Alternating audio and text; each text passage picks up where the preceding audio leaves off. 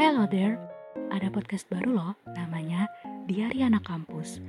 Gue Farah Serayusa akan ngajak ngobrol kalian mengenai apa pun terkait dunia perkuliahan di podcast Diari Anak Kampus.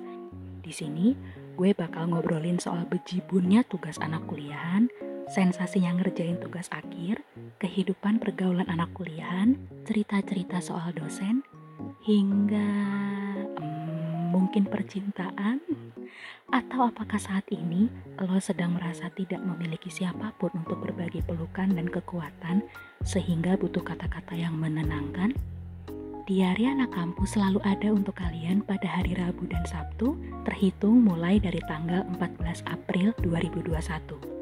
Podcast ini spesial buat kalian yang saat ini berstatus mahasiswa. Tapi semuanya boleh ikutan dengerin kok. Barangkali podcast Diari Anak Kampus ini bisa jadi salah satu sumber informasi atau sekadar menjadi obat nostalgia buat siapa pun yang kangen dengan masa-masa kuliah dulu. Oh iya, podcast Diari Anak Kampus bisa dinikmati melalui banyak platform loh, mulai dari Spotify, Apple Podcast, Google Podcast, Overcast, Pocket Cast, juga Castbox.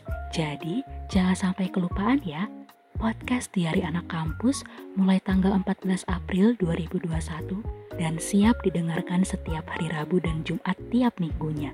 Jangan sampai ketinggalan ya.